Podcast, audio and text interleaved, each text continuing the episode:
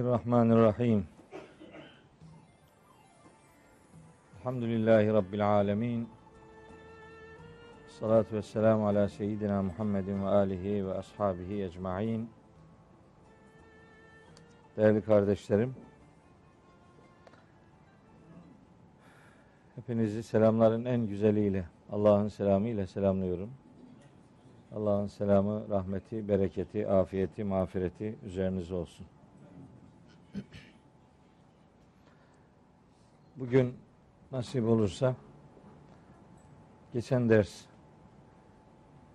ilk dört ayetini başlattığımız Müzzemmil suresinin yine dördüncü ayetinin ikinci cümlesinden itibaren becerebilirsek dokuzuncu ayetinin sonuna kadar okumaya gayret edeceğiz inşallah. Allahu Teala önce bana söyleyeceklerimi doğru söyleyebilmeyi lütfeylesin.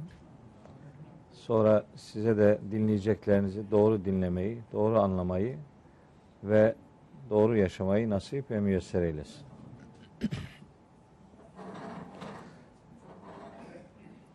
Önceki ders Müzzemmil suresinin ilk dört ayeti üzerinde uzun uzadıya konuştuk. Ve surenin o ayet grubunda Müslümanın gece ile alakalı tutumunu Cenab-ı Hakk'ın belirlediğini, nasıl hareket etmesi lazım geldiğini, gecenin yarıdan çoğunu ayakta olmak gerektiğini beyan eden cümlelerini okuduk. Tabi 15 gün boyunca bana epeyce geri dönüşler oldu bununla alakalı. Tabi hikmet ilahi nasıl yaparız da gecenin çoğunu ayakta geçiririz diye değil de genellikle bunun nasıl olmayacağını soruyorlar bana. Bu olmaz. Beni iknaya çalışıyor adam. Ben Allah'ın sözüyle ikna olmuş bir adamım. Beni bir daha iknaya çalışmasın kimse. Gerek yok. Geçen dersin son dakikalarında size Talak suresinden bazı ayetleri hatırlattım. Dedim ki siz karar vermeye bak. Karar verdikten sonra Allah sizi yayan bırakmaz, yarı yolda bırakmaz. Allah sebepleri yaratır, bir çıkış yolu mutlaka var eder. Adam gece deyince aklına 12'den sonrası geliyor. Bense geceyi akşamla başlatıyorum. Akşam saati gecenin başladığı saattir. Oradan saat 12'ye kadar yatana kadar ne yapıyorsun? Onu sorgula. Sen önce yemek yiyeceksin. Sonra yan gelip yatacaksın. Sonra varsa misafirin onunla ilgileneceksin. Değilse sen misafirliğe gideceksin. 2-3 saat televizyon seyredeceksin. Ondan sonra Kur'an'a sırayı getireceksen gelmez zaten. Tabii ki benim derdim ayaktayken Kur'an'la buluşma zamanları belirlemektir. 12'ye kadar hele 2 saat Kur'an okuyun. Sonra 12'den biraz sonra bir saat daha okuyun. Yatın. Sonra bir de teheccüd vakti kalkın. Bir saatte orada ayakta durun. Tamam. Maksat hasıl olur. Olmayacak şey değil ki. Evet ben onu öyle beceremiyorum şahsen. Ben başka bir yol buldum. Ben yatmıyorum hiç. Evet ben hiç yatmıyorum. Gece saat 11'de Kur'an'ı açıyorum önüme. Sabah saat 5'e kadar hiç yatmadan çalışıyorum. Bu 25 yıldır böyle. Ne zaman uyuyorsun? 5'te yatıyorum. 8.30 veya 9'da kalkıyorum. 3 saat, 3.5 saat yetiyor mu? Yeter. Uykusuna hükmederse bir adam yarınlara da hükmeder. Uykusunu kontrol altına alamıyorsa bir adam zaten bol bol uyuyacaktır. Uyusun yani. Ona diyecek bir şeyim yok. Fakat bazı sözlerden e, rahatsız oluyorum. Diyor bana ki adam bu yaptığın peygamberin sünnetine aykırı. Ya peygamberin sünnetine aykırı nasıl olur? Bu surenin 20. ayetini hiç okumuyor musun? Bak ki peygamberimiz nasıl yapmış. Bir konuda Allah bir şey der, peygamber başka bir şey yapıyor olabilir mi yani? Bu nasıl bir mantık? Senin peygamberimizle alakalı tanımlamanda bir sorun var. Onu bir sorgulamak ihtiyacındasın. O kadar yani. Bir kısmı da ayakta durduğu süre içerisinde ne yapalım sorusunu cevaplarken diyor ki yapacağımız iş gece kalkıp namaz kılmaktır. Kıl. Yani gece kalkıp namaz kılana niye kalktın ve niye namaz kılıyorsun diyecek halim yok ki benim. Tabii ki canıma minnet. Ne kadar kılıyorsan kıl. Fakat gece kalkınca ne yapman lazım geldiğinin cevabı bu ayette var. İstersen önce bu ayete kulak ver. Orada söylenen nedir? Onun üzerinden hayatını ayarlamaya çalış. İşte bugün okuyacağımız bölüm gece kalkınca ne yapmak durumunda olduğumuzu beyan ediyor. Öyle bazı meallerde yazıyor. Geceleyin kalk namaz kıl diye öyle parantez içine bir şey koyuyor filan. Burada namazla ilgili bir şey yok. Kalkınca ne yapılacak? İşte yapılacak şey şu. Eser billah. Yansıtı da var. Kalk ve rattilil Kur'ane tertila. Kalk ve tertil üzere Kur'an'ı oku. İşte istenen bu. Emredilen bu. Peki tertil üzere Kur'an okumak nedir? Hele ki düşünün bu ayetler geldiğinde yani Müzzemmil suresinin bu ilk grup ayeti geldiğinde bundan önce indirilen ayetlerin sayısı en iyi ihtimalle 12. 12 ayet gelmiş. Yani Fatiha 7 ayet, bir de Alak suresinin 5 ayeti toplam 12 ayet gelmiş. Toplam 12 ayet üzerinden Allahü Teala gecenin çoğunu ayakta geçir diyor. Nasıl yapacaksınız da o 12 ayetin bir tanesine veya iki tanesine yoğunlaşacaksınız? Bu tilavet etme ile yetişmez. Bu kıraatle de yetişmez. Buradaki okuma tertil üzere olacak. Öyleyse bizim tertil üzere okumanın ne olduğuyla alakalı bir fikir geliştirmemiz lazım. Ya da tertilin ne olduğunu bizatihi kaynağından öğrenmemiz lazım. Tertil bir metni yavaş yavaş, ağır ağır, hissede hissede, özümseyerek, adeta onu hücrelerine yedirerek, Kur'an'ı Kur'anlaşarak okumaya tertil derler. Yani gecenin yarıdan çoğunu ayakta geçireceğimiz ayetler toplam 12 tane. Bu ayetler indirildiği zaman için söylüyorum. Şimdi böyle bir sorun yok. Şimdi önünde okunmamış 6236 tane mesaj var. Şimdi o kadar düşünecek, üzerinde yoğunlaşılacak ayetler var ki. Ama bu ayetler indirildiği zamanki hali sorgulayarak ayeti anlamaya çalışıyorum. İkra bismi rabbikellezi halak. Bunun üzerinde düşünsün bir adam. Biz Alak suresini burada okuduk. Oradaki ikra bismi rabbike bismideki o ba harfine dört tane mana vermiştik.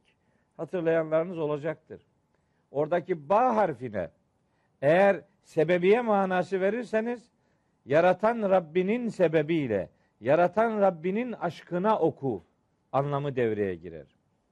O bismideki ba'ya ilsak manası verirseniz okumalarınızı, düşünmelerinizi, akıl yürütmelerinizi Allah'ın adını düşünerek gerçekleştirin. İlsak manasıyla bu anlam elde edilir.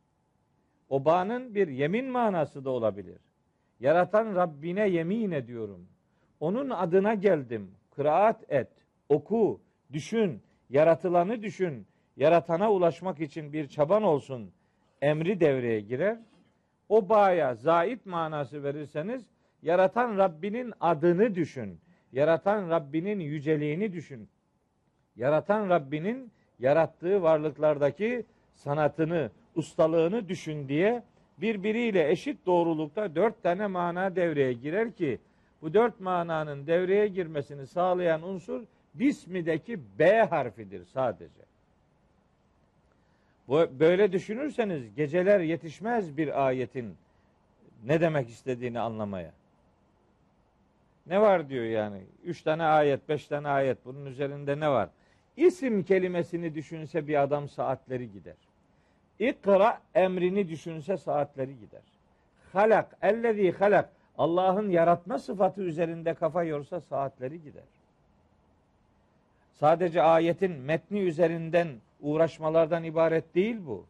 Kainat kitabını okumayı emrediyor. İşte laboratuvarında Allah'ın yüceliğini bulmak üzere çalışmalar da bu kıraat emrinin içinde vardır zaten. Düşüncenin devrede olduğu her tür Kur'ani eylem kıraat emrinin muhtevasında, içeriğinde yer alır. Oradan baktığınız zaman düşünecek o kadar çok şey var ki ve o düşünceleri yerine getirmek için çok fazla zamana ihtiyacımız var. Sadece bu ayetler değil. Bakın İnsan suresinde şöyle bir ayeti kerime var. İnsan suresinin 26. ayeti. Buyuruyor ki Rabbimiz Estağfirullah. Ve minel leyli fescud lehu ve sebbihhu leylen tavila. Gecenin bir bölümünde Allah'a secde et. Allah için secdeye kapan. Biliyor musunuz? Sadece namazın içindeki secde tek secde emri değildir. Namaz dışında müstakil secdeler de secde emrinin muhtevası içerisinde yer alır. Uzun uzun secdeleriniz olsun. Gece kalktığınız zaman kıraatinizi biraz da secdede yapın. Alnınızı yere koyun ve Allah'ın sanatı üzerinde düşünün. Vahyi üzerinde kafa yorun. Müstakil secdeler ayrı birer ibadet hüviyetindedir. Mesela onun delillerinden biri bu ayettir. Ve sebbihhu leylen tavila ve geceleri uzun vakitler ayırarak Allah'ı tesbih et. Bunu tercüme edenler bir kısmı diyor ki uzun gecelerde tesbih et. Tamam. Yazın yırttın.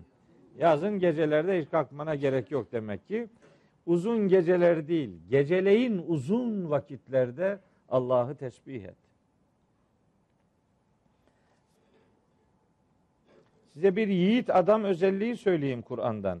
Nasıl oluyormuş bu işler diye. Bakın Zariyat suresi var. Kur'an-ı Kerim'in 51. suresi. O surenin 15, 16, 17, 18. ayetleri var. Din adına konuşan herkesin başucu kaynağı diye görebileceği ayetlerden biridir. Bir grubudur bu. Bakın ne buyuruyor Cenab-ı Hak. İnnel muttakin. Muttaki insanlar var ya. Muttakiler yani duyarlı insanlar. Yani hayatını Allah'a adayarak yaşamayı başaran adamlar. Sorumluluğunun farkında insanlar. Bunlar fi cennetin ve uyunin. Bahçeler içerisinde ve su gözelerinde bulunacaklar. Ahizine ma atahum rabbuhum. Rablerinin kendilerine verdiği nimetleri alıyor pozisyonda olacaklar. Cennette, cennetlerde. Kim bunlar? Muttakiler. Peki bunların dünyadaki özelliği neymiş? İnnehum kanu kable zalike muhsinin. Onlar bu alemden önce yani mahşer aleminden önce muhsin adamlardı. Dünya hayatında ihsan sahibi insanlardı. Muhsin işini, sorumluluğunu en güzel şekilde yerine getiren adama derler. Peygamberimizin ifadesiyle ihsan Allah'ı görüyormuş gibi hareket etmektir. El ihsanu en ta'budallaha ke enneke terahu Fe in lem tekün terahu fe innehu yarake. İhsan Allah'ı görüyor musun gibi ibadet etmendir. Sen her ne kadar onu görmüyorsan da o seni görüyor. Muhsin işini Allah duyarlılığıyla düzgün yapabilen adama derler. Onlar hayatlarını düzgün yaşıyorlardı dünyada. Kanu bu adamlar idiler kalilen minel leyli ma yehcaune. Bunlar geceleri çok az uyurlardı kalilen minel leyli ma yehcaune. Geceleri çok az uyurlardı bu adamlar ve bil esharihum yestağfirune. Sahur vakitlerinde de bütün benlikleriyle Allah'tan özür diliyor ve kabahatleri için istiğfarlarda bulunuyorlardı. Söz benim değil. Zariyat suresi 15, 16, 17. ayetler. 18. ayet. Yetişmedi mi? Bir de Ali İmran suresinden okuyayım. Bakın 17. ayeti. Rahman yiğit kullarını tanıtıyor. Yiğit adamlar. Allah'ın has kullarım dediği adamlardan söz ediyor. Buyuruyor ki işte ellezine yekuluna rabbena innena amennâ faghfir lena zunubena ve qina azaben nar as-sabirine ve's-sadikine vel-kanitine vel-munfikine vel-müstagfirine bil-eshar. Sahur vakitlerinde Allah'a özür beyanında bulunan adamlardır, yiğit adamlar. Uykunuzu kaçıracak bir ayet daha söyleyeyim. Secde suresinin 15 ve 16. ayetleri. 17. ayeti de, 18. ayeti de düşünmek lazım.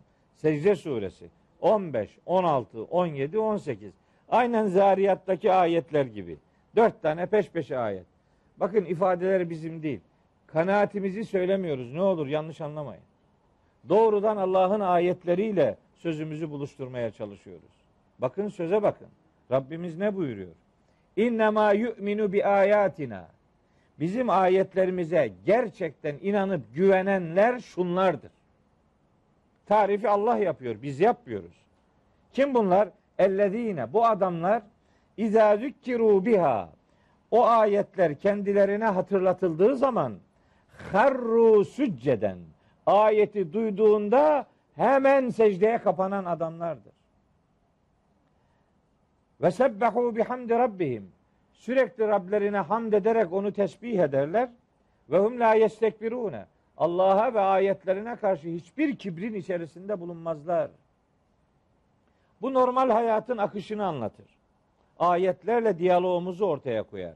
Ve fakat bu yiğitlerin geceleriyle alakalı bakın ne diyor? Geceleriyle alakalı. Tetecafa cunubuhum anil madaci'i. Onlar cemplerini, sırtlarını, yanlarını, vücutlarını yataklardan, döşeklerden ayırırlar. Yani kalkarlar, mışıl mışıl uyumazlar. Yed'ûne rabbehum havfen ve tama'a. Korku içerisinde ve Allah'ın rahmetini umarak Allah'a dua ederler, yalvarır, yakarır, niyazda bulunurlar. Bakın sabaha kadar uyumaktan söz etmiyor. Şu kadar ayet aktarıyorum. Adam hala daha bana bunun nasıl olmayacağıyla ilgili ikna faaliyetine girişiyor. Sen bilirsin kardeş. Karpuzlar da yata yata büyüyor. Yat. Saat akşam 6'dan gece 12'ye 1'e kadar başka işler yap. 12-1 gibi yat. Böyle yorgun yatan adam sabah namazına da zaten kalkamaz. Ondan sonra kuşluk vakti kalktığında namazı kıl. Öyle işine git. Her gün böyle gider zaten. Bir gün neyse her gün öyledir. Siz birinci gününüzü programlarsanız her gününüz öyle olur. Ama siz işi akışına terk eder de vahiy ile diyaloğunuzu boş zamanlarınıza terk ederseniz vahiy de size boş zamanlarında döner. Kur'an'la irtibatını hobilerine terk edenlere Kur'an da hobisi gibi bakar.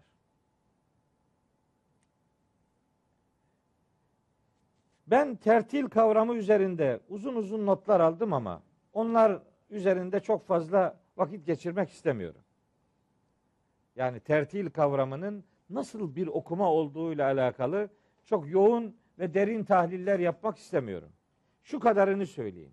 Tertil Kur'an'ı Kur'anlaşarak okumaktır. Yani her zerrenizle vahyin duyarlılığını yüreğinizde hissederek, onun sizi adam edeceğini düşünerek ve oradan alacağınız manevi gıdalarla hayatınızı inşa edeceğinize inanarak her bir kelimesinden, her bir cümlesinden, her bir harfinden bir gıda temini duygusuyla ona yaklaşımınızı sergilerseniz o sizin ruhunuzu inşa edecektir. Evet. Elmalılı'dan bir nakil yaptım. Önceki ifadelerim Rahib el İsfahani'den. Bazıları diyor ki eski alimlerden hiçbir şey demiyor. Diyorum bak. İsfahani'den müfredattan nakil yaptım. Görmezsen yapacağım bir şey yok. Bak aha öbürü de Elmalılı Hamdi Yazır'dan. Daha ne istiyorsun yani? Hepsini teker teker sayarsan ders yapamayız yani. Bizim söylediklerimiz zaten onlardan öğrendiklerimizdir. Teker teker isim listesi sunmaya gerek yok. Elmalılı diyor ki bakın. Kur'an'ı tertil üzere okumak sadece ses güzelliğiyle, gelişi güzel, ezip bükerek, teganni ederek, saz teli gibi sadece ses üzerinde yürümek türünden bir musiki işi değildir. Elmalılı'nın sözü bu. Benim değil. Kelimelerin anlam ilişkisi ve dilin edebiyat özellikleri ayrıca ruhsal ve manevi açıdan her türlü uygunluk gözetilerek bir okuma gerçekleştirilmelidir. Tertil böyle bir okumadır. Asıl maksat manayı duymaktır. Onu hissetmektir. Mümkün olduğu kadar onu başkalarına da duyurabilmek için tecvid ile okumaktır. Tecvid yolu caddeleştirerek okumaktır. Yani maksadına uygun okumayı gerçekleştirebilmektir. Ve nihayet tecvid el malılının tarifini söylüyorum. Tecvid kaf harfini çatlatırken anlamını kaybetmek değildir. Adam diyor ki bir senedir uğraşıyoruz hala Subhaneke'deyiz. Ne, ne oluyor yani? Ne oluyor bir senedir Subhaneke'yi bir türlü geçemiyorsun yani. Orada B harfi, kalkale harfleri onları çatlatıyor, patlatıyor. O arada Subhaneke'nin manası güme gidiyor, buharlaşıyor. Buradan Kur'an'ı tertil üzere okumak diye bildiğimiz okuma türlerinden tertili hafife aldığımı sakın ha kimse düşünmesin. Ben ömrü böyle okumalarla geçmiş bir adamım. Ben daha 6 yaşımdayken tecvid üzere Kur'an okumayı mer- merhum babamdan öğrenmiş ve şu yaşa kadar Kur'an'ı tecvid üzere okuyan bir adam. Bunu hafife aldığımı kimse zannetmesin. Ancak mesele sadece tecvid değil. Tertili tecvide kurban etmek doğru bir okuma biçimi değildir. Tecvidi de tabii ki yani sat harfini, sin harfini, peltek T harfini birbirinden ayırt eden bir okuma yapmazsanız mana allak bullak olur. Ama bu çok zor değildir. Emin olun dikkatli bir okuyucunun yapabileceği süre maksimum bir haftadır ya. Bir haftada bu iş biter. Biz bir haftayı değil, bir ömrü bu işe hasrediyoruz. O ara, o arada mana buharlaşıp gidiyor. İşte biz tertil üzere okumaktan ve Kur'an üzerine yoğunlaşmaktan söz ediyoruz. Bir ayet hatırlatmalıyım. Tertil kavramının geçtiği Furkan suresinin 32. ayeti. Şimdi bakınız cevabı biz vermeyelim. Rabbimiz versin. Ayet şu. Estağfirullah. Ve kâlellezîne keferu. Kafirler derlermiş ki levlâ nuzzile aleyhil Kur'anu cümleten vahide. Kur'an ona yani Hazreti Peygamber'e topluca bir anda indirilseydi ya niye böyle bölük pörçük geliyor? Onların amacı başka. Peygamberimizi güya mahcup etmek. Güya peygamberimiz kendisi uyduruyor Kur'an'ı haşa. Bir anda uyduramayacak onun meydan okumasını yapıyorlar. Ve Rabbimiz cevabı veriyor. Neden peyderpey indirilişinin cevabını veriyor. Buyuruyor ki kezalike haklısınız bir anda da indirilebilirdi. Ama böyle olmadı. Niçin? Linusebbite bihi fuadeke. Yüreğini yüreğini Kur'an'la sağlamlaştırmak için. Yani yüreğini, kalbini, kalbinin damarlarını yani seni sen yapan değerleri Kur'an'la güçlendirmek için ve rattelnahu tertila. Bunun için yavaş yavaş onu indirdik. Tane tane okuyarak onu sana ulaştırdık. Kur'an'ın indirilişi tam 23 yıl sürmüş. Niçin? Hayata nakşedilsin diye. Hayatı ilmek ilmek dokusun diye. Kur'an 23 yılda indirilmiştir. Yoksa 23 günde indirilebilirdi. 23 saat, 23 saniye, 23 salise bile sürmeyebilirdi. Ama maksat o değil. Maksat Kur'an'ı hayata okumaktır. Kur'an okumak onu hayata okumaktır. Kur'an okumak Kur'an'ı hayata taşımaktır. Kur'an'ı hayatına taşımaktır. Mümkünse Kur'an'a taşınmaktır. Böylece Kur'an'ın da seni cennete taşımasıdır. Kur'an okumak böyle bir eylemdir. Bunu gerçekleştirmek için bir tertil okuması gerekir. Bakın peygamberimiz ne buyuruyor? Metnini yazdım. Fadlu kelamillahi ala gayrihi kefadlillahi ala halqihi. Allah'ın kelamının diğer sözlere olan üstünlüğü Allah'ın mahlukata olan üstünlüğü gibidir. Sıradan bir metinle yüz yüze değilsin. Sıra dışı bir metin var önünde. Onun için onu evire çevire, yüreğinde dalgalanmalar hissederek, hani bizim yöresel ifadeyle, Trabzonluların ifadesiyle, yani öyle çok yöresel bir kelime kullanmak da istemiyorum ama yani duyguların duyguların dalgalanacak yani. Seni sen olup durduğun hal üzere bırakmayacak seni yani.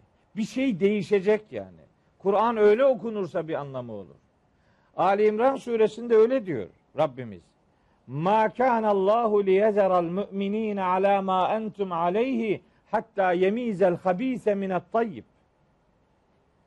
Allah sizi bulunduğunuz bu hal üzere terk etmeyecektir. Ta ki temiz olan davranışlar, temiz olan, doğru olan inanış ve ahlaki özellikler pis ve çirkin olanlardan ayırt edilinceye kadar. Seni bulunduğun bu hal üzere bırakmıyor Allahu Teala. Bu değişimi gerçekleştirecek unsur da vahiydir. Onun için onu sıra dışı bir okumayla elde etmek mümkündür. Ali İmran suresinin 179. ayetiydi. Ankebut suresinde de benzer bir ifade var. Elif, la, mim. Bu harflere yemin olsun. Ehasiben nasu. İnsanlar şöyle mi zannediyorlar? En yutrakû bırakılacaklar. En yekulu amenna. Sadece iman ettik demeyle bırakılacaklar. Ve hum la yuftenun. Hiç imtihana tabi tutulmayacaklar. Öyle mi zannediyorlar? Öyle değil. Ve lekad fetennellezine min qablihim. Feleya'lemennallahu ellezine sadaku ve leya'lemennel kazibin. Daha öncekileri de imtihana tabi tutmuştuk. Böylece Allah kimin sadık olduğunu, kimin yalancı olduğunu hem bilmiş hem ortaya çıkarmış olacaktır. Dolayısıyla hayat bir imtihan alanıdır. Bu imtihanda kimin hangi dereceyi elde edeceği imtihan salonlarında göstereceği performansla şekillenecektir. Ve nihayet diyorum ki Kur'an'ı üç tür okuyarak hem tilavet ederek hem kıraat ederek hem tertil üzere okuyup hayata taşımaktır. Kur'an'ın dediği yiğit Müslümanların özellikleri budur. Sadece tilavet değil, sadece kıraat değil, sadece tertil değil. Bunların her biri ve mümkünse hepsi. Bu üç okumayla beraber üç şey okunsun ister Allahu Teala. Bakın üç okumada üç okunacak şeye dikkat çeker. Kur'an bütünlüğü. Bir, kainat kitabı okunsun ister. Çünkü Alak suresi o birinci ayet kainat kitabının okunmasını ister. Alak suresinin ikinci ayeti insan kitabının okunmasını ister. Ve nihayet Kur'an'ın tamamı kendi metnini vahyedilen ayetlerin okunmasını ister. Şöyle formül, formüle edebiliriz. Biz birer duyarlı Müslüman olarak hem tilavet ederek hem kıraat ederek hem tertil üzere bir duyarlılık göstererek kainat kitabını, insan kitabını ve Allah'ın vahyettiği bu tenzili kitabı okuyarak adam olacağız. Bizden istenen budur. Kainatı öteleyen bir okuma yeterli bir okuma değildir. İnsanı içine almayan okuma yeterli bir okuma değildir. Üç okuma türünün üç alemi okuması şeklinde bir görevimiz vardır. Kur'an'ın bize öğrettiği işte tam böyle bir okuma biçimidir. Böyle okuyanlara selam olsun diyorum. Peki. Şimdi bu okumalardan geceleyin çok kalkmaktan filan söz eden dört ayetlik pasaj bitti. Şimdi neden neden gece kalkılacak? Neden Kur'an tertil üzere okunacak? Bunun gerekçesini söylüyor. Bakın. Söz benim değil ne olur. Benim ifadelerim gibi algılayıp söyleneni ne olur kardeşlerim hafife almasınlar. Bu söylediklerim doğrudan ayetlerin metni ve tercümesidir. Kendi kanaatimizi işin içine karıştırarak kendimizi din diye satanlardan değiliz. Allah'ın kelamı işte şu gerekçeyle bu dört ayetin mesajını efendim gerekçelendiriyor. Buyuruyor ki Beşinci ayet. İnna senulqi aleyke kavlen sekila. Bunlar peygamberi inşa eden ayetler. Buyuruyor ki Rabbimiz Efendimiz'e İnna senulqi aleyke biz muhakkak ki biz biz diyerek Allahu Teala vahyini sahipleniyor ve müşriklere bir anlamda meydan okuyor. Bu vahyin sahibi Abdullah'ın oğlu Muhammed değil. Bu metnin sahibi biziz. Yani ilahi kudrettir. Allah vahyini sahipleniyor. Biz diyor. Hani belki teknik bir konu olacak ama şöyle bir dakikalık bir parantez açayım. Allah neden biz der? Allah'ın biz demesinin bir takım sebepleri olsa gerek. Anlayabildiğimiz kadarıyla buna birkaç yönden cevap verebiliyoruz. Gerçeğin, hakikatin kendi özünü elbet sadece Rabbimiz bilir. Bizim anlayabildiğimiz kadarıyla Kur'an'da biz demesinin Rabbimizin biz ifadesini, biz zamirlerini kullanmasının muhtemel sebeplerinden biri birine geçmeden önce Allah kendisiyle alakalı nasıl zamirler kullanır? Önce onu söyleyeyim. Bakın Kur'an'da Cenab-ı Hak zatıyla alakalı bazen ben der. Ben. İnni ene. Ben ifadesi kullanır. Ene zamiri. Mütekellim zamir. Bazen huve der. O der. Bazen nahnu biz der. İşte burada olduğu gibi. Na yani nahnu biz der. Niçin? Siz sakın ha Allah kendisi için o dediği yerde sakın ha onu herhangi bir nesneye benzetmeyin. Tam Allahu Teala için o üzerinden bir fikir geliştirmeye çalıştığınız an Allah bir anda ben der. Sonra döner biz der. Demek ister ki beni şahıslaştırmaya çalışma. Ben senin algının ötesindeyim. Beni herhangi bir nesne gibi algılama. Ben öyle bir şey değilim. Şura suresi 11. ayet bunu bize formülize ediyor. Buyuruyor ki leyse kemitlihi şeyun. Hiçbir şey onun benzeri gibi bile değildir. Bitti. Ne ki Allah'a benzetiyorsun bil ki o Allah'a benzemez. Arapların çok nefis bir sözü var. Ma hatara bi balik fallahu gayru zalik. Ne ki aklına geliyor Allah'la ilgili bil ki Allah onun dışındadır. O değildir. Öyleyse siz Allah'ın zatını tanımaya uğraşmayın. Tırlatırsınız. Kafa uçar gider. Zorlama beynini. Allah'ı sen kendin şahıslaştırmaya gayret etme. Allah zatını nasıl tanıtıyorsa ona iman et. Bu kadar. Evet. Hiçbir şeye benzetilmemesi için hiçbir şeye benzetilmemesi için Cenab-ı Hak zatıyla alakalı üç zamir kullanır.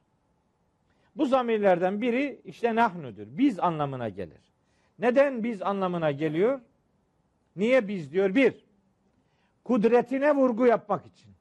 Biz demek bir anlamda yücelik, kudret, uluhiyet manasına gelir. Yüceliğini vurgulamak için biz diyor olabilir. İki, tevazuyu insanlara öğretmek için biz diyor olabilir. Tevazu, yani ben değil, biz demeyi insanlara öğreterek ortak aklı gündeme getirmek için biz diyor olabilir.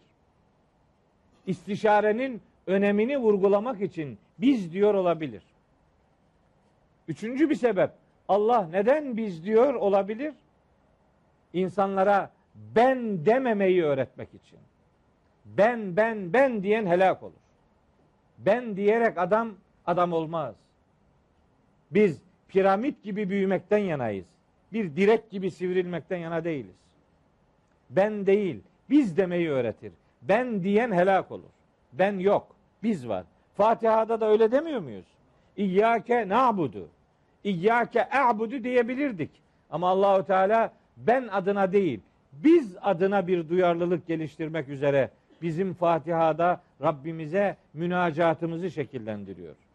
Ve nihayet bu üç sebebin bir dördüncüsü olarak da şunu düşünebilirsiniz. Bu benim şahsi kanaatimdir. Bu üç tanesi diğerleri diğer alimlerden naklettiğim görüşlerdir. Bir dördüncü olarak da Yani acizane aklıma gelen şudur. Rabbimizin biz dediği yerler hemen hemen tamamı melekleri istihdam ettiği alanlardır. Yani biz yarattık deyince meleklerin görevlendirilmesi söz konusudur. Biz öldürdük deyince meleklerin görevlendirilmesi var. Biz yağmur yağdırıyoruz deyince meleklerin görevinden söz edilir. Biz vahiy indiriyoruz deyince arada bir melek görevlendirmesi vardır.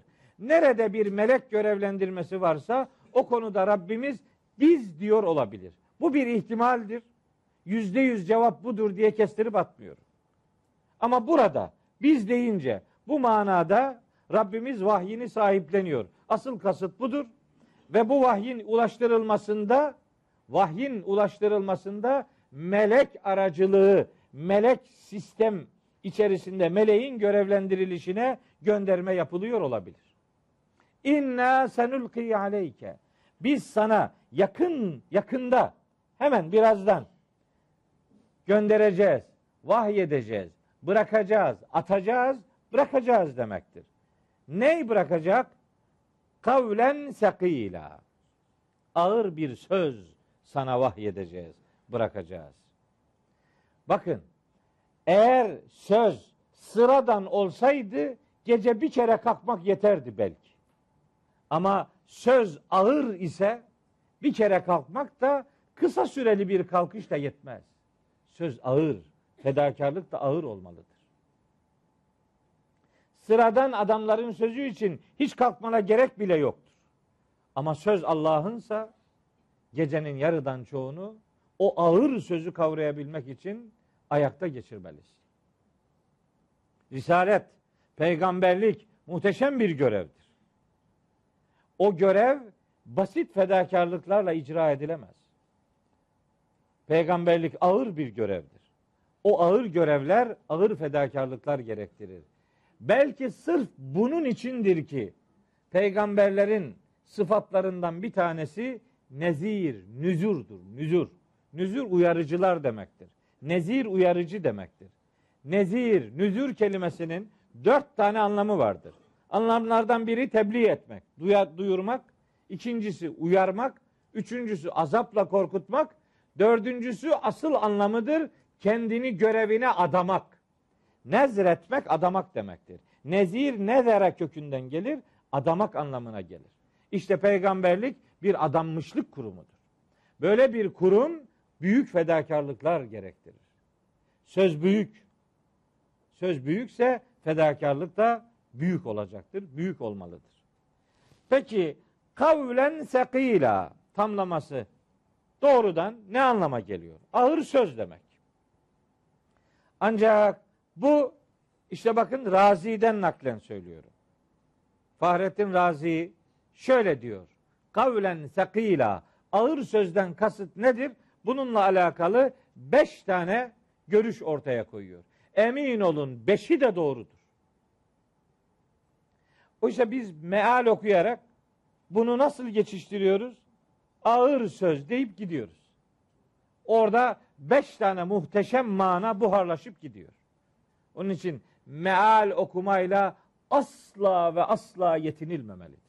Hele bir meal okumayla kesinlikle yetinilmemelidir. Birden çok meal okunacak. Mealler yavaş yavaş tefsir okumalarına dönüşecek. Bu zorunluluktur. Çünkü meal bir metnin muhtemel manalarından birini tercih edip eksiklik olduğunu itiraf eden çalışmalara derler.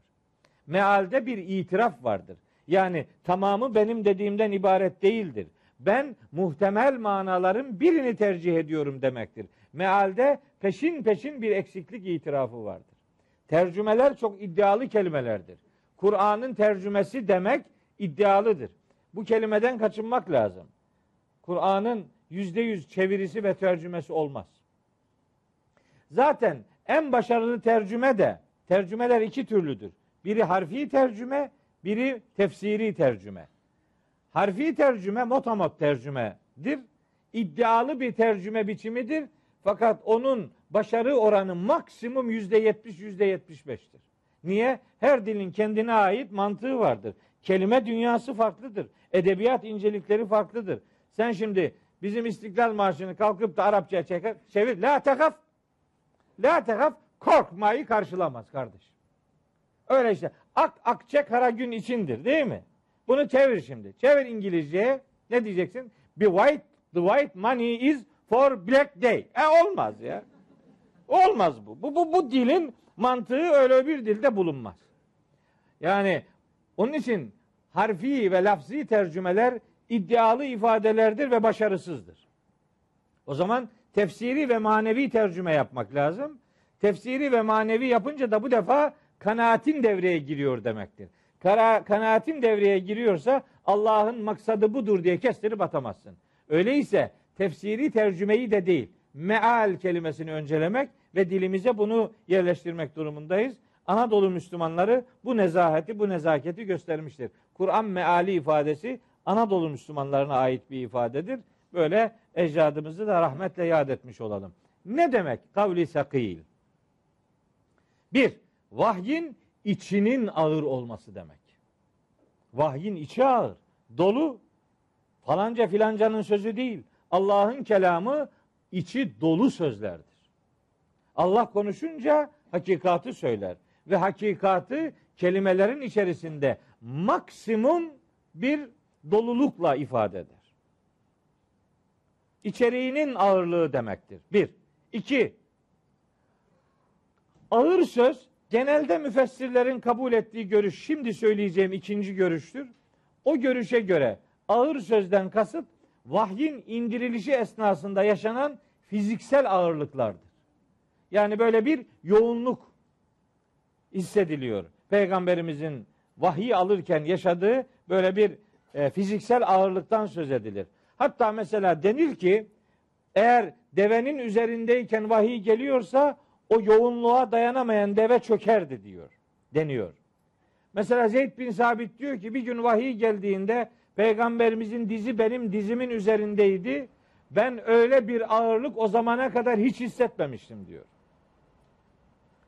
Peygamberimiz mesela diyor ki ahyanen ye'tini misle salsaletil ceresi ve huve eşedduhu aleyye. Bazen böyle çıngıraklı yılan sesine benzer şekilde vahiy gelirdi diyor.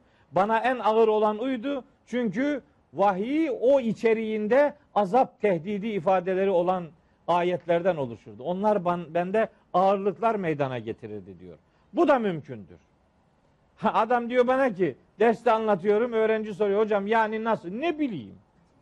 Ben nereden bileyim nasıl olduğunu? Ben buna iman ediyorum. Bu benim bileceğim bir şey değil.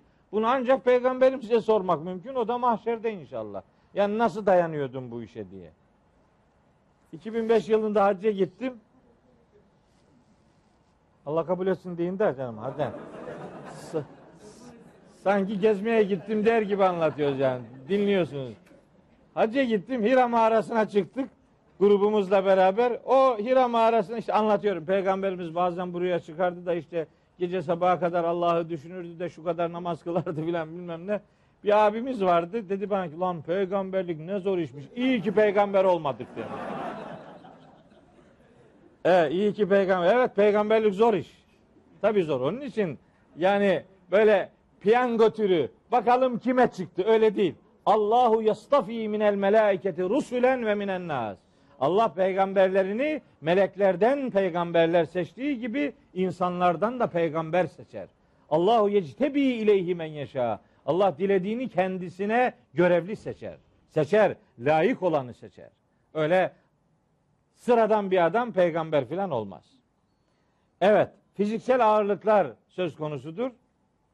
Ezan mı okunuyor? Evet. Benim imam arkadaşlarımdan gelen bir grup vardı. Onlar artık gelemeyecek demektir. Tam da öyle üzerine rastladı. Bu vakıf bunun saatini değiştirsek ne olur? Zor. Evet. Ağır bir iş değil mi? Ağır bir söze mütenasip. Değiştirelim gene. Yeni bir gelenek başlasın. Yani şundan dolayı diyorum. Bakın şimdi ben bir bu söylediklerim buraya gelen kardeşlerim beni anlıyorlar. Elhamdülillah ziyadesiyle memnunum şu ortamı yaşıyor olmaktan.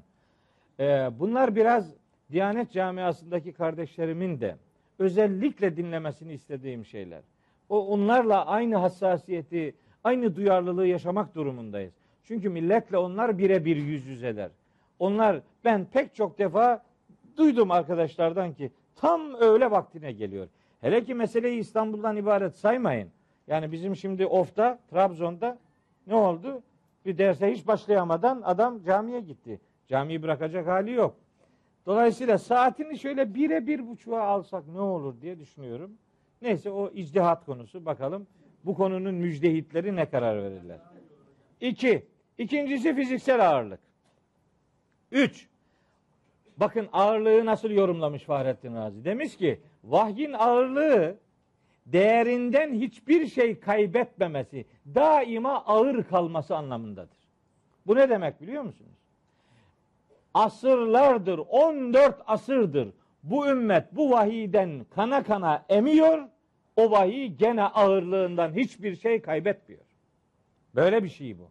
Bu ağırlık değerini, kıymetini kaybetmeme anlamında daima taze ve daima ağır kalabilen bir mahiyet arz eder. Dördüncü görüş. Bu söz çok ağırdır. Bu sözün dediğini yapanlar amel defterlerinde bu yapılanın tartıda ağır geleceğini bilerek sözün ağırlığı tartıda ağırlığa dönüşecektir anlamında yorumlamıştır. Bu da harika bir görüş. Yani bu bu bu ağır söz mahşerde terazide son derece kefeyi ağır hale getirecektir. Ve nihayet beşinci görüş. Demiş ki Razi bu sözün ağırlığı Müslümanlara ferahlık verir ama inkarcılara bunun uygulaması ağırdır. Yapmaz bunu adam. Ağır gelir ona yani. Yüksünür. Ona yüreğini vermeyince bedenini de ona teslim etmez. Dolayısıyla uygulaması noktasında ağır gelen, inkarcılara ağır gelen söz anlamına gelir. Bu beş yaklaşımın beşi de doğrudur.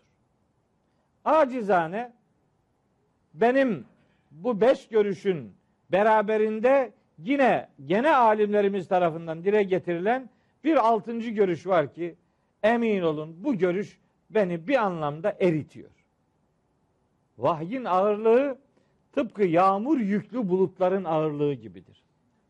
Yağmur yüklü bulutlar nasıl hayata rengini katar, nasıl coğrafyayı o çorak görünümünden yemyeşil bir hale ve süslenmiş bir görüntüye dönüştürürse vahiy hayatı rengine kavuşturan ağırlıkta bir değerdir.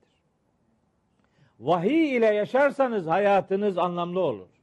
Hayatın gerçek renklerini o zaman görür ve hissedersiniz. İşte ağır vahiy hayatı yağmur nasıl tabiatı şenlendirir, renklendirir, yeşertir, ürünlendi, ürün sahibi kılarsa vahiy de çorak gönüllere hayat veren değerdir. Evet, kavli sakilden kasıt bu. Bunları yani bu dediğim işte söyleyebildiklerimiz bunlar. Başka alimler elbette başka şeylerde söylüyorlardır. Hepsini tekrar rahmet ve minnetle yad ediyorum.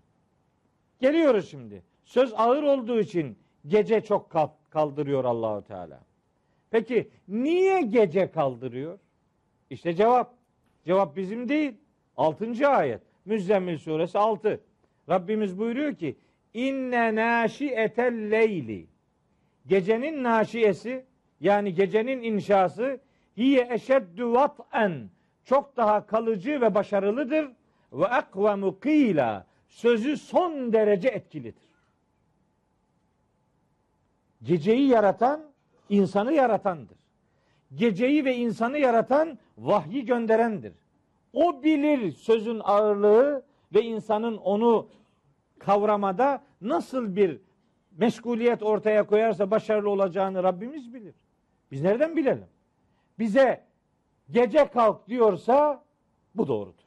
Müslüman zaten Allah'ın dediğini pazarlıksız kabul eden adamdır. Allah böyle diyorsa bu doğrudur ve selam. Bu uygulanmalıdır diyeceğiz. Evet. Gecenin naşiyesi, gecenin inşası. Gece kalkılan zamanlarla alakalı. Tabi uyuduğun zaman inşa olmazsın. Kalktığın zaman inşa olacaksın. Kalktığın zaman insanlar vahiy ile inşa olacaklar. Bu inşa kelimesi, naşiye kelimesi çok enteresan bir kelime. Ben bunun Kur'an'daki kullanımlarına baktım. Hangi konularla alakalı kullanılıyor bu neşe, enşe, naşi, neşe kelimeleri hangi içerikte geliyor diye baktım. Bir baktım ki dünyada insanın yaratılışı için neşe kelimesi, enşe kelimesi kullanılıyor.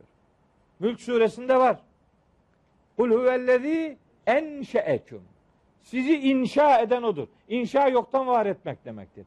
Vahyin inşası da insanın sahip olmadığı değerleri onun sahibi olabileceği hale getirmektir.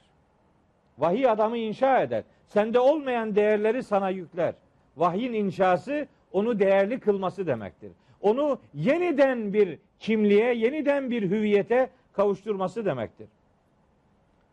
Mesela Vakıa suresinde geçer. Ve lekad alimtumun neş'etel ula. İlk yaratılışınızı, sıfırdan, yoktan var edilişinizi biliyorsunuz değil mi? Bakın insanın dünyadaki yaratılışıyla alakalı kullanılan kelimelerden biri bu. Yoktun var etti seni Allahu Teala. Ahiretteki inşa için de bunu kullanıyor. Ve enne aleyhi en neş'etel uhra. Bir sonraki, bir diğer neşe var edilişiniz de Allah'ın sıfatıdır. Allah sizi mahşerde bir daha inşa edecektir. Burada bilmediğiniz, tanımadığınız şekilde orada inşa olacaksınız.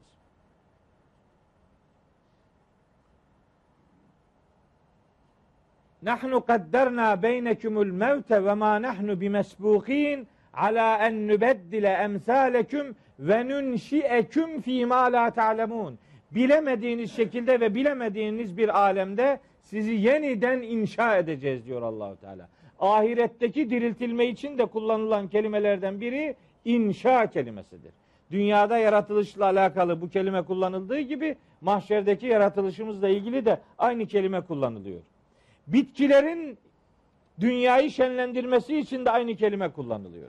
Ve huvellezî enşe'e cennetin ma'ruşatin. Bahçeler, bahçeleri inşa eden, sıfırdan inşa eden odur. Bakın bahçelerin, tohumun hayatı şenlendirmesi için de aynı kelime kullanılıyor. Peki ne demek istiyor? Neden burada vahiy ile alakalı, gece kalkıp Kur'an okumayla alakalı neden inne naşiyetel leyli tamlamasını kullanıyor? İşte bunun için. Gecenin insası bir anlamda geceleyin dirilmek, geceyi diriltmek demektir. Geceyi uykuya terk etmemek, bir diriliş ortaya koymak, bir diriliş sağlamaktır. Eğer geceleyin donanımlı hale gelip manevi olarak diriltilirseniz, dirilmeyi başarırsanız kalktığınız geceyi de diriltmiş olursunuz. Ve nihayet geceleyin inşa olmak gündüzü ihya etmek demektir. Şimdi birazdan gündüzle alakalı kısmı da gele, gelecek. Bunun için geceleyin kalkış, gecenin inşası, gecenin insana kazandıracağı şeyler daha etkili, daha kalıcı ve daha başarılıdır diyor Allahu Teala. Hiye eşeddu vat'en. Vat'en kelimesi alabildiğine sebatkar olmak, kararlı ve etkin olmak demektir. Evet, söz daha kalıcı olur. Ekvem, ekvem neydi? İnne hadel Kur'ane yehdi lilleti hiye ekvemu. En doğru, en kaliteli, en kararlı, en güçlü demektir. Ve sözün en güçlü tesir edeceği zaman geceleyin vahiy ile buluşma zamanıdır. Zaten vahiy gece gelmeye başlamamış mıydı? İnna enzelnahu fi leyletil kadri. Geceleyin gelmeye başlayan vahiyin insanın gecelerini gündüze çevirecek bir misyonu vardır. Gündüzün saat 12'sinde ortalık günlük güneşlik bir hal ise bile Kur'an'dan uzak olan o zamanlar zifiri karanlıktan beterdir. Öyleyse hayatımızın gecelerini gündüze çevirmek durumundayız. Bu fiziksel anlamda, saat anlamında akşamdan sonraki saati kastetmiyorum. Herkesin hayatında geceler vardır. Vahyin iddiası o geceleri aydınlığa ve gündüze çevirmektir. Ayette söylenmek istenen özellikle budur. Gece gece insanın zihni daha dinç olur. Gece çalışanlar bunu bilirler. Gece sizi meşgul edecek çok fazla bir iş yoktur. Gündüzün işte gürültüsü, patırtısı, şusu busu geceleyin yoktur. Siz gece daha bir kendinizle baş başa kalırsınız. Öyleyse masivadan uzaklaşıp vahiy ile bütünleşirseniz vahyin size muhteşem katkıları olur. Rabbimizin ifadesi bu. İnne naşiyetel leyli hiye eşeddu vat'an ve akvemu kıyla. Gecenin naşiyesi, inşası son derece etkili, kalıcı ve başarılıdır. Peki gündüze ne oldu? İşte yedinci ayet. Gündüzle alakalı da sözler var. Buyuruyor ki Rabbimiz İnne leke fin nehari sebhan tavila. Muhakkak ki senin için gündüzde uzun uzun sebh vardır. Sebh vardır. Sebh kolay tercümede hani detaylandırmadan yapılan tercümede meşguliyet diye ifade edilir. Sizin gündüz şu kadar işiniz gücünüz var diye tercüme edilir. Buna bir şey demiyorum. Meşguliyet manasına geliyor dediyse e, eski alimlerimiz kelimenin manası budur dediyse biz kelimeye yeni bir mana zerk edecek halimiz yok. Öyle bir öyle bir iddiamız, öyle bir becerimiz, öyle bir sınırsız hürriyetimiz de yok. Kelimenin manası neyse onun üzerinden kavramı ve ayeti anlamaya çalışacağız. Şu kadarını bu vesileyle hatırlatmalıyım. Kur'an'da meşguliyet anlamına gelen başka kelimeler var. Hatta Türkçedeki bu meşguliyet dediğimiz kelime aslında Arapçadır. Şagale, şugul, meşgul Arapça geliyor. Arapçadan bizim dilimize gelen bir kelime. Allahu Teala bu ayette inne leke fin nehari şugulen tavila diyebilirdi. Ama demedi. Sebh kelimesini kullandı. Neden?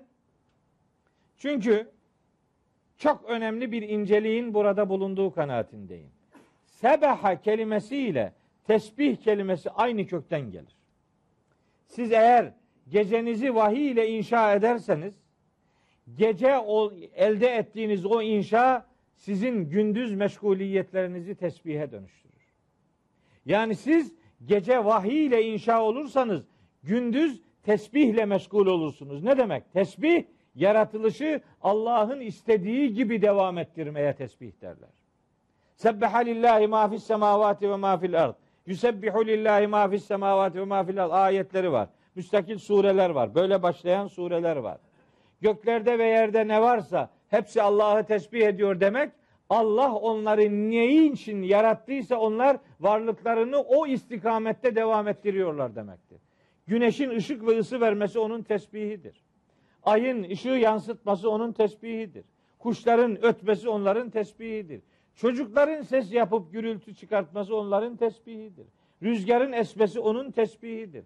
Varlıklar ne için yaratılmışlarsa programlandıkları o şeyle varlıklarını devam ettiriyorlar. İşte onların tesbihi odur. Peki biz gece vahiy ile inşa olursak gündüz bütün meşguliyetlerimiz tesbihe döner.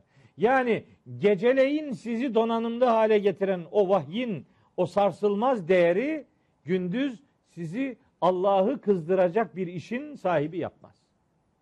Allah'la gece bir anlamda sözleşme yapan adamın gündüz Allah'ı darıltacak bir faaliyetin içine girmesi düşünülemez. Onun için gündüzünüze ve gününüze vahiy ile başlarsanız o 24 saatiniz ever Allah Allah'ın rızasına uygun geçer. Taberi ve Zemahşeri'nin sebih kelimesine verdiği çok enteresan bir anlam benim dikkatimi çekti, not aldım. Taberi ve Zemahşeri. Bunlar biri rivayet tefsirinin babası diye bilinir, biri dirayet tefsirinin babası diye bilinir. Bizim Anadolu'da Zemahşeri ismi biraz Rizeli'nin dediği gibi çaprazımıza kaliyi ama Zemahşeri'yi beğenmiyor adam. Ya Zemahşeri bölünse senin gibi yüz tane adam eder. Zemahşeri bir Kur'an tercümanıdır. Harikulade görüşleri olan, harikulade tahlilleri olan bir adamdır. Ancak o da her insan gibi hata yapmış olabilir canım. Hatasız adam var mı? Sen aynaya bir bak. Sen kendi hatalarını saymaya başla. Başkasına sırayı getiremezsin. Ortalık hata kaynıyor. Zemahşer işte bu muteziledendir. Neymiş mutezileden olunca ne oluyor? Mutezile. Mutezile ayrılan adam demektir. Nerede ayrıldı? Yanlış gördü ayrıldı adam. Yani bir kalabalık kalabalık halinde yanlışa doğru gidiyorsa ben de onun içinde olmak zorunda mıyım? Biz paket programlara mı mecburuz canım? Doğru onun dilinden de çıkabilir. Ne sakıncası var? Ayrılabiliyorsa bravo. Yola çıkanlar yoldan çıkanlardır biliyorsunuz. Yanlış anlaşılacak ya. Cümlelerimin yanlış anlaşılmasından çok çektim. Yani bir adam yola çıkıyorsa bir iddiası var demektir. Genelin gittiği yerden gitmiyor. Onun ideali var demektir. Sürüm psikolojisiyle hareket etmez. O ideallerin adamıdır. Herkes başka bir tarafa ama yanlışa gidiyorsa o tek başına kalır ve doğrudan yana tavır koyar. Sırf bunun içindir ki Kur'an'da Hazreti İbrahim'le alakalı harika bir sıfat vardır. Nahil suresinde sadece onun için kullanılan bir sıfatı size hatırlatayım. Nahil suresi 120. ayet. İnne İbrahim'e kâne ümmeten. İbrahim tek başına bir ümmetti diyor Allahu Teala. Bir adam bir ümmet. Yiğitseniz böyle olur. Yiğit olacaksınız. Millet öyle diyor diye sen de öyle demek zorunda değilsin. Millet her zaman yanlış söylemeyeceği gibi her zaman doğru da söylemeyebilir. Öyleyse doğrunuza talip olacak ve doğrunuzla hareket edeceksiniz. Bir bir fikir değerini eskiden gelmesinden ya da taraftarlarının kalabalıklığından almaz. Bir fikrin doğruluğu kaynağından gelir. Bizim doğrumuz vahiy ile destekli olduğu için iddialıyız. Kalabalıklar ne yapalım? Yanlış da düşünebilir. Her zaman doğru düşünmeyebileceği gibi her zaman yanlış da düşünmesi gerekmiyor. İşte diyor ki Taberi ve Zemahşeri Selimciğim iki şaft tamamdır bugün. Beşe daha eklersen tavaf olacak. Ekranda görünmemek için mi böyle dolaşıyor ya? Ne eziyet. Evet, böyle dolaşıyor. Hayır olsun bakalım. Diyor ki Zemahşeri ve Taberi. Sebih kelimesinin bir anlamı çok merak ediyorduk ya. Gece hep ayakta durursak ne zaman uyuyacağız? Sebih diyor. Uyku için boş zaman anlamına da gelir. Gündüz sizin uyuyacağınız zamanlarınız olur demeye getiriyor ayet. Ne sakıncası var? Kelimenin böyle bir anlamı varsa bal gibi de oturur. Sanki gündüz hep çalışıyor adam. O ne demezsin? Kaytaranın haddi hesabı yok be. Mesaiye doğru dürüst gidenler eyvallah gitmeyenin haddi hesabı yok. Yani öğle arası yarım saat kaylule diye bir şey var ya. Bir kestirirsin yarım saat senin şu kadar saatini dinç geçirmeni sağlar. Ama adama bir uykuyla alakalı bir reçete ver hep uyuyor. Uyuyor. Boş bulduğunda uyuyor. Bizse boş zamanın olmaza inanan adamlardanız biz. Niye? İnşirah suresi bize öyle öğretti kardeş. Ne diyor? Fe izâ ferâte fansab. Farih olduğun zaman fansab. Bunu tercüme ve tefsir ederken bazıları demişler ki boş kaldığın zaman kalk namaz kıl. Olur. Hiç boş zamanı yoktur adam hiç kılmaz. Ne demek bu ya? Ne namaz? Orada namaz diye bir şey yok. Nereden uyduruyorsun be? Feyda feragte. Bir işi bitirdiğin zaman fensap yenisine kalk. Bizim tatilimiz meşguliyet değiştirmeye dayalıdır. Boş boş aylak aylak yatmaya, yatmaya dayalı değildir. Bu ömür bir defa bahşedildi bize. Bunun her anının hesabı sorulacaktır. Sürekli yatarak böyle bir hesabın rahat verileceğine herhalde hiç kimse ihtimal vermiyordur. Evet. Buradaki notların bir kısmını söyledim. 8. ayete geçiyorum. Bakın 8. ayet. Başka bir kavramla Allahu Teala sesleniyor bize bu defa. Buyuruyor ki önce peygamberimizi inşa ediyor. Ben birinci ders ne dedim?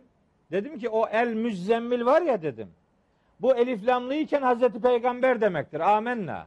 Ama bunun eliflamsız halini düşün. buradaki bütün emirlerin sana da emir olduğunu yüreğine yaz. El müzzemmil vahiy ve risaletle buluşturulan peygamber demektir. Müzzemmil vahyin arkadaşlığına talip olan her Müslüman demektir. Bu emirler peygambere yöneliktir. Dolayısıyla beni ilgilendirmiyoruz derseniz derin bir yanılgının ta göbeğine girdiniz demektir. Böyle bir yanlışlık yok. Bu emirler önce Hazreti Peygamber'e onun şahsında hepimizedir. Eğer bir görev sadece peygamberimize ise onunla ilgili kullanımlar var. Biz onları biliyoruz. Ayette mesela İsra suresine der ki nafile tenleke sana nafile. Türkçede nafile ne demek? Boşuna. Türkçede boşuna ama Arapçada ekstra, ilave olarak. İlave olarak demektir. Sana ilave olarak. Peygamberlik dedik ya zor iş. Mesela Ahzab suresinde geçer. Halisaten leke min dunil müminin. Diğer müminlere değil, sana özel böyle bir hüküm vardır der. Eğer bir hüküm böyle özel bir ifadeyle şekillendirilmişse kiminle alakalıysa evet onunla sınırlıdır. Ama burada böyle bir şey yok. Burada hepimize yönelik bir inşa faaliyeti vardır ve bu inşa faaliyetinin hepimizi ilgilendirdiğini de Müzzemmil suresi 20. ayetten zaten gördük. Hala daha topu taça atmanın bir alemi yok. Bu sorumluluklar hepimizin sorumluluklarıdır. Evet, buyuruyor ki Rabbimiz. Ve zikür isme rabbik. Peygamberimize hitaben ve hepimize mesaj olarak Rabbinin ismini zikret. Bu ne demek? Zikir, zikretmek demek. Eline tesbihi alıp belli bir sayıda Allah Allah zikir matiklerle böyle bir meşguliyetten ibaret değil. Onu yapanları ayıplamıyorum. Adam Allah diyorsa başım gözüm üstte ben ona ne diyeceğim? Allah diyen Allah de yallah demesin. Allah desin sorun yok. Desin ama burayı bağlamla alakalı düşündüğünüz zaman şu sonuç kaçınılmazdır. Vezkür isme rabbik. İşte burada geceleyin vahiy ile inşa olacaksın ya. Gündüz meşguliyetlerin tesbihe dönecek ya. Bunu yapabilmen için Allah'ı hatırından çıkartmayacaksın demektir. Allah'ın adını zikretmek demek. Her işinde ve her meşguliyetinde Allah'ın seninle olduğunu bilmen ve bu şuurla hareket etmen demektir. Allah'ı zikretmek demek, hayatı Allah'la yaşamak demektir. Allah'ı zikretmek demek, Allah'ın bulunmadığı bir an ve mekan olmadığını kabul etmek demektir. Allah'ı zikretmek, hayatını Allah'ın şahitliğiyle yaşaman demektir. Öyle diyor canım. Sözler benim değil. Mücadele suresinin 7. ayetini açın okuyun. Elem tera ennallâhe ya'lemu ma fis semavati ve ma fil ardı.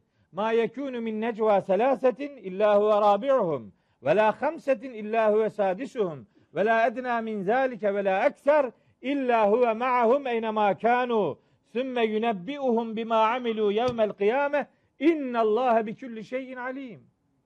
Mücadele suresi 7. ayet. Bilmez misin Allah göklerde ve yerde ne varsa hepsini bilir. Baş başa kalmış hiçbir üç kişi yoktur ki gizli gizli konuşmak üzere. Onların dördüncüsü Allah olmasın. Baş başa kalmış hiçbir beş kişilik grup yoktur ki altıncısı Allah olmasın. Sayı daha az olabilir, daha kabarık olabilir. İnsanlar her neredeyseler Allah onlarla oradadır. Ve mahşer sabahı da onlara dünyada yaptıkları ne varsa hepsini haber verecektir. Muhakkak ki Allah her bir şeyi hakkıyla bilendir. Ya demek ki Allah'ın bulunmadığı bir an ve mekan yoktur. Allah'ın adını zikretmek, Allah'ı hayatının her anında ve her alanında onu hatırında tutmaktır. Yoksa meşguliyetlerini bir kenara bırakıp bir yerde belli sayıda Allah demekten ibaret değildir. O da bir ibadettir. Ona bir şey demem. Eyvallah. Yani yapan yapsın. Ama ayetin kastettiği zikir kelimesi zaten Allah'ı daima zihninde hazır hissetmen demektir. Hatta isim kelimesinden hareketle farklı bir yorum yapabiliriz. Buraya yazmamışım. Ama burada söyleyeyim. Vezkür isme rabbik. İsim kelimesi hem isim yani bildiğimiz manada at. isim manasına gelir. Hem isim kelimesi aslında kökü itibariyle sümüvden gelen bir kelimedir. Sümüv yükseklik demektir. Sema yüksekler, yüceler alemi demektir. Allah'ın ismini zikret demek. Allah'ın yüceliğini hatırında tut demektir. Allah'ın yüce bir kudretin efendim e, sahibi olduğunu bil. Bunu hatırından asla çıkarma demektir. Zikretmek bir bilinçli eylemdir. Tesbihle zikir arasında fark vardır. Tesbih canlı cansız herkesin Allah'ı övmesi diye bilinir. Zaten bu anlamda ayetler de vardır. İsra suresi 44. ayet tam da onu söyler. Ne der? Tüsebbihu lehu's semavatü's seb'u vel ardu ve men fihin ve in min şeyin illa yusebbihu bihamdih velakin la tefkahune tesbihahum. Yedi kat gök, yeryüzü ve içindekiler Allah'ı tesbih ederler. Hiçbir şey yoktur ki Allah'ı tesbih ediyor olmasın. Ve fakat siz onun onların tesbihini anlamıyorsunuz. Bizim anlamıyor oluşumuz onların tesbih etmemesi manasına asla gelmez. Ancak tesbih ile zikrin farkını, nüansını ortaya koyalım. Tesbih canlı cansız, iradeli iradesiz her bir varlığın Allah'ı övmesidir. Varlığını Allah'ın adına, Allah'ın onu ne için yarattıysa o ideal uğruna varlığını devam ettirmesine tesbih derler. Zikir ise bilinçli olarak Allah'ı övmenin ifadesidir. Allah'ı bilinçli olarak hatırlamanın ifadesidir. Zikir bir bilinç tezahürüdür. Tesbih bir otomatik varlıktır. Zikir ise bir bilincin ortaya konulmasıdır. Hatırlamak. Bakın Kur'an-ı Kerim Kur'an-ı Kerim'in isimleri ve sıfatları var. Bu derslerin ilklerinde onlarla alakalı dersler yapmıştım. Envarul Kur'an'ın ilk e, günlerinde. Kur'an'ın isimlerinden biri zikir, zikra ve tezkiredir. Kur'an'a bu ismin verilmesinin çok önemli bir gerekçesi vardır. Siz eğer bir adama bir şeyi söylediğiniz zaman o söylediğinize hatırlatmak diyorsanız bir şeyin hatırlatma anlamına gelmesi için o şeyin önceden bildirilmesi lazım. Önceden bildirilmiş olacak ki ikinci yapılan işe hatırlatma desinler veya hatırlama desinler. Biz ne zaman bize bir şey bildirildi ki şimdi Kur'an onların hatırlatması manasına geliyor? Evet. Biz Kur'an'ın bütün emirlerini, bütün prensiplerini zikir, zikra ve tezkire diye görür kabul ederiz. Bunların bize hatırlattığı şey Allah'ın fıtratımıza yazdığı gerçeklerdir. Kur'an bizi fıtratımızla buluşturan kitaptır. Öyleyse Allah'ın adını, onun yüceliğini zikretmek demek fıtratımıza nakşedilmiş olan o harika programla buluşmamız demektir. Peki kelime ve cümle olarak zikir kavramı içerisine neler girer? Teberrüken onları da söylemek istiyorum. Mesela tesbih, Subhanallah demek. Mesela tehlil, La ilahe illallah demek. Mesela tekbir, Allahu Ekber demek. Mesela temcid, Allah'ı yüceltmek. Tevhid, Allah'ın bir olduğunu ilan etmek. Bunlar zikir kapsamında değerlendirilen ifadelerdir. Kavramın içerisine namaz manasını da koymak mümkündür genel olarak. Fakat Kur'an'da özel bir kullanımın o anlamda tercih edildiğini unutmamak lazım. Hem zikir hem tesbih kelimelerinin özel anlamda özel bir zikir, özel bir övgü, özel bir pratik manası da vardır. Fakat o mananın elde edilmesi bu kelimelerin özel bir zamanla kullanılması şartına bağlıdır. Yani güneş doğarken şöyle yap, güneş batarken şöyle yap, güneş batmadan önce öyle yap, gecenin şu saatlerinde böyle yap diye özel bir zamana gönderme yapılıyorsa oradaki zikir ve tesbih özel ibadet anlamında namazdır. Ama genel olarak zikretmek, tesbih etmek dediğim manada iradeli ve iradesiz varlıkların birer faaliyeti olarak görülür. Vezkür isme rabbik kısmı aşağı yukarı yani dilim döndüğünce böyle özetlemeye çalışıyorum. İkinci kısmı ve tebettel ileyhi tebtila. İşte emir budur. İşte arzu edilen bu. Bu olsun isteniyor aslında. Bütün bu sayılanlar aslında bu cümlenin elde edilmesi içindir hayatımızda. ve tebettel ileyhi tebtila. Bütün varlığınla sadece Allah'a ait ol. Bütün varlığınla sadece Allah'a ait ol. Sadece Allah'a yönel. Tebtil başkalarından irtibatını kesip birine özel olmaya derler. Mümin sadece Allah için hayatını yaşayan adamdır. Namus ve iffette de kullanılan bir kavramdır bu. Betül kelimesi. Betül, tebtil aynı kökten geliyor. Betül. Betül tarihte iki kadınla alakalı bir sıfattır. Bunlardan biri Hazreti Meryem, biri Hazreti Ayşe'dir. Hazreti Meryem betül bir kadındır. Yani yüzünde namahrem gözünün izi yoktur. Bir anlamda eline namahremin eli dokunmamıştır. İffetini lekeleyecek hiçbir tavrın içerisine girmemiştir. İşte betül bu demektir. Hazreti Ayşe içinde atılan o korkunç iftira hani Nur suresinin 11-12. ayetinden ta 24. ayetine kadar anlatılan o pasaj Hazreti Ayşe ile alakalıdır. Ona atılan iftira ile alakalı Cenab-ı Hak onun betül olduğunu ilan etmiştir. Adı geçmiyor ama iftira olayı, ifk olayı herkesin bildiği olay Hazreti Ayşe ile alakalıdır. Demek ki bir kadının iffeti namusuna namahrem insanların el ve dil uzatmaması manasına gelir. Ama betül olmak sadece kadınların sıfatı değildir. Erkeğin de betülü vardır.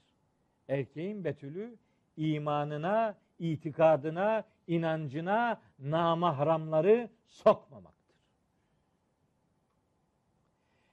Tevhid inancın adaletidir. Şirk inancın zulmüdür. Adalet bir şeyi yerli yerince yapmaktır. Zulüm bir şeyi yerinden etmektir. İnançta tevhid yani Allah'ı birlemek inancın adaletidir. Ama inançta şirke bulaşmış olmak adaleti yerinden etmek. Bir şeyi yerinden etmek demektir. Şirk onun için Kur'an'da zulüm diye tarif edilir. Hazreti Lokman'ın oğluna nasihatlerinin başında 13. ayette Lokman suresinde buna dikkat çekilir. Öyleyse betül sıfatını kadınlardan ibaret sayıp bu bizi ilgilendirmiyor demeyelim. Bu arada hitap önce Hazreti Peygamber'edir. Hepimiz sadece Allah'a yöneleceğiz. Onun için tevhid hiçbir arıza kabul etmez. Kalem suresinde ilk grup ayette Allahu Teala Hazreti Peygamber'i uyarır. Buyurur ki: "Fela tuti'il mükezzibin." Bu hakkı hakikati yalanlayanlara sakın itaat etme, aldırış etme, boyun bükme. Kalem suresinin hemen işte 8. ayeti. Bu yalanlayanlara itaat etme. Niye?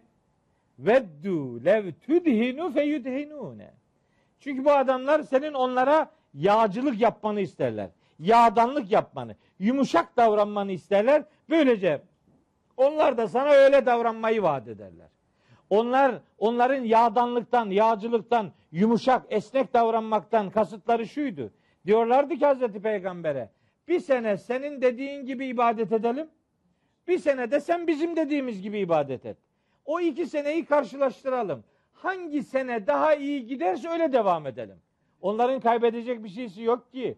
Ama böyle bir yağdanlık, böyle bir taviz peygamberimizin bütün omurgasının çökmesi manasına gelecekti. Ve Rabbimiz onu inşa ediyor. Fela tuti'il mükezzibin. Böylesi yalanlayıcılara asla itaat etme. Onların yağcılıklarına ve yağdanlıklarına asla itibar etme diyor Allahu Teala. Bilirsiniz taviz tavizi doğurur. Bir süre sonra taviz vermen noktasında eğer kaybedeceğin şeyler çok fazla olursa senin vereceğin tavizin haddi hesabı olmaz. Büyük şeyler kaybedecekse bir adam ondan büyük tavizler koparabilirsiniz. Oysa Müslüman imanında zerre tavizi olmayan adamdır. Çünkü iman taksit kaldırmaz. İman istisna kaldırmaz. İman bütüncül bir güven ve bütüncül bir kavrama, bütüncül bir efendim teslimiyet işidir. Müslümanın bu teslimiyetten yana zerre kadar tavizi olmaz, olmamalıdır. Betül olmak hayatı Allah'la yaşamaktır. Allah'ın rızasının dışında başka arzuları devreye sokmamaktır. Size çok çarpıcı bir örnek vereyim mi bununla alakalı? Mesela nasıl oluyor mesela? Mesela Tahrim suresi var. İlk ayetleri çok nefis bir konudan söz eder. Peygamberimiz çeşitli başka rivayetleri de var ama yaygın rivayet şudur. Eşlerinden birinin evinde bal şerbeti içmiş. Hazreti Ayşe ile Hazreti Hafsa da onu biraz kıslanmışlar herhalde o, o hanımı. Peygamberimiz onların yanına gelince Hazreti Ayşe demiş ki çok pis kokuyorsun peygamberimize. Niye demiş? Sen megafir kokuyorsun demiş. Megafir. Peygamberimiz de demiş megafir nedir? Ne megafiri? Demişler ki işte sen filanca hanımın evinde bal şerbeti içtin ya. Evet. İçtin mi? İçtim demiş. Ha? İşte megafir kokuyorsun. O arılar megafir diye kötü kokan bir çiçek varmış. Oradan bal yapıyorlarmış. O baldan da peygamberimiz yiyince kötü kokmuş. Hazreti Ayşe ile Hazreti Hafsa da öyle demişler. Peygamberimiz de demiş ki bir daha bal yemeyeceğim. Hazreti Ayşe'ye biraz düşkün peygamberimiz. Çünkü yiğit kadın. Hazreti Ayşe bu ümmetin namusu ekberidir. Yani. Hazreti Ayşe muhteşem bir semboldür. O olmasaydı bu ümmetin aile hayatını nasıl anlayacak ve yaşayacaktık yani. Onun için Hazreti Ayşe müstesna bir kadındır. Peygamberimiz de ona biraz düştü daha bal yemeyeceğim demiş. Bakın bunda başka rivayetler de var. Bir tanesini söylüyorum. Onun üzerine ayet geliyor. Ayette bakın ne diyor Allahu Teala. Ya eyyühen nebiyyü ey peygamber. Lime tuharrimu ma ahallallahu leke tebtegi merdate ezvacike.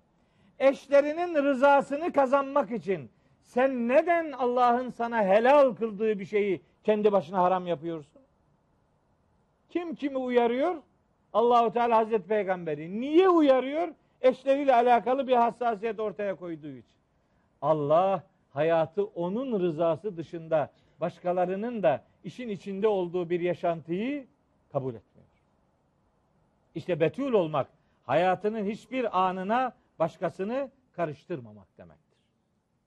Müslüman betül adamdır.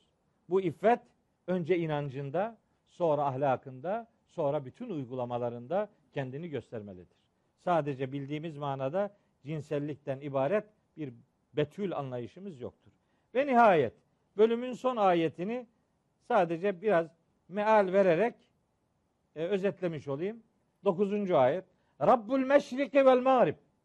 İşte o yöneleceğin ve sürekli adını tesbih edip yüceliğinin farkında olacağın o kudret var ya Rabbul meşriki vel mağrib.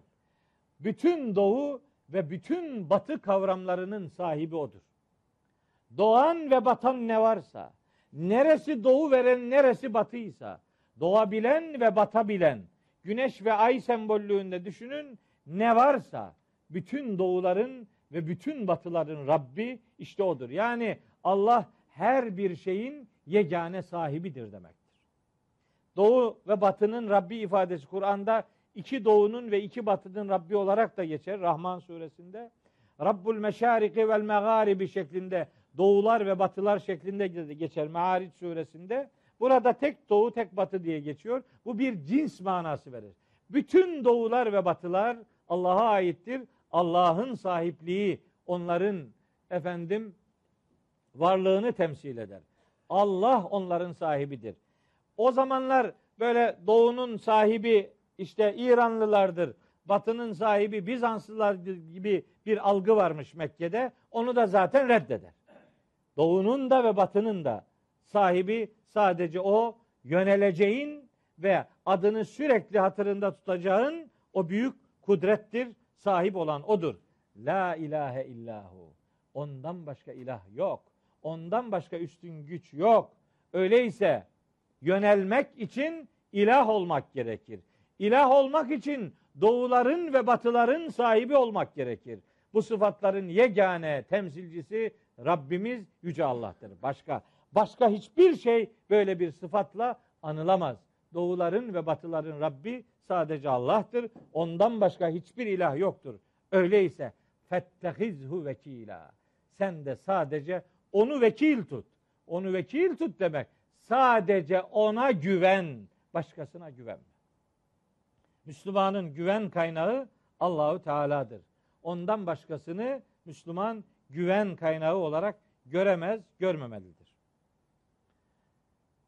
Evet, vekil kelimesiyle alakalı bir takım e, izahlar da yaptım ama o izahlar üzerinden daha fazla vakit geçirmeyeyim.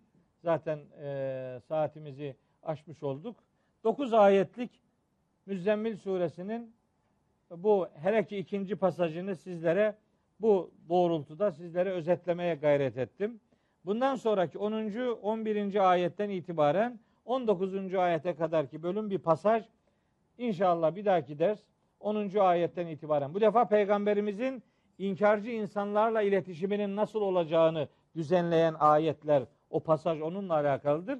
Buraya kadarki pasaj peygamberimizin önce vahiy ile sonra Allah'la diyaloğunu, irtibatını şekillendiriyordu ki bizim de yapmamız lazım gelen, uygulamamız lazım gelen metot bu olmalıdır. Vahiy ile iletişimimiz nasıl olacak? Allah'a karşı duruşumuz nasıl olacak? İlk 9 ayet bize bunları öğretti. Şimdi 10. ayetten itibaren ki başlayan bölüm peygamberimizin ve bizim de inançsız insanlara ve onların sataşmalarına karşı onlarla iletişimimizin nasıl olması lazım geldiği noktasında belirleyici esaslar gelecektir 10. ayetten sonra. Bir dahaki ders inşallah orada sözü edilen hususiyetlere dikkat çekecek ve biz de Allah'ın dediği gibi yapmaya, yapmaya gayret edeceğiz. O güne kadar ve ömrünüzün tamamında hepinizi Allah'a emanet ediyorum.